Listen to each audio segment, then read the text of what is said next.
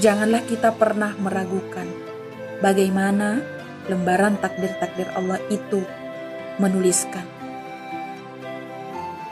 Terkadang tertundanya rencanamu adalah sebuah perlindungan dari Allah.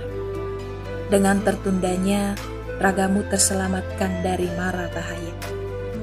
Terkadang, gagalmu dalam sebuah urusan adalah cara Allah untuk menyelamatkanmu dari kegagalan-kegagalan yang menyakitkan.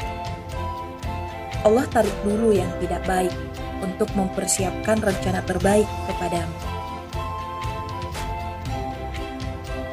Janganlah kita pernah ragukan bagaimana lembar-lembar takdir Allah itu menuliskan kejadian-kejadian yang ajaib.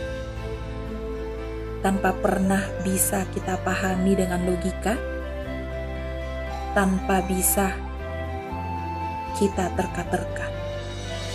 Atas sebuah alasan ini, kita perlu belajar untuk husnuzon kepada Allah.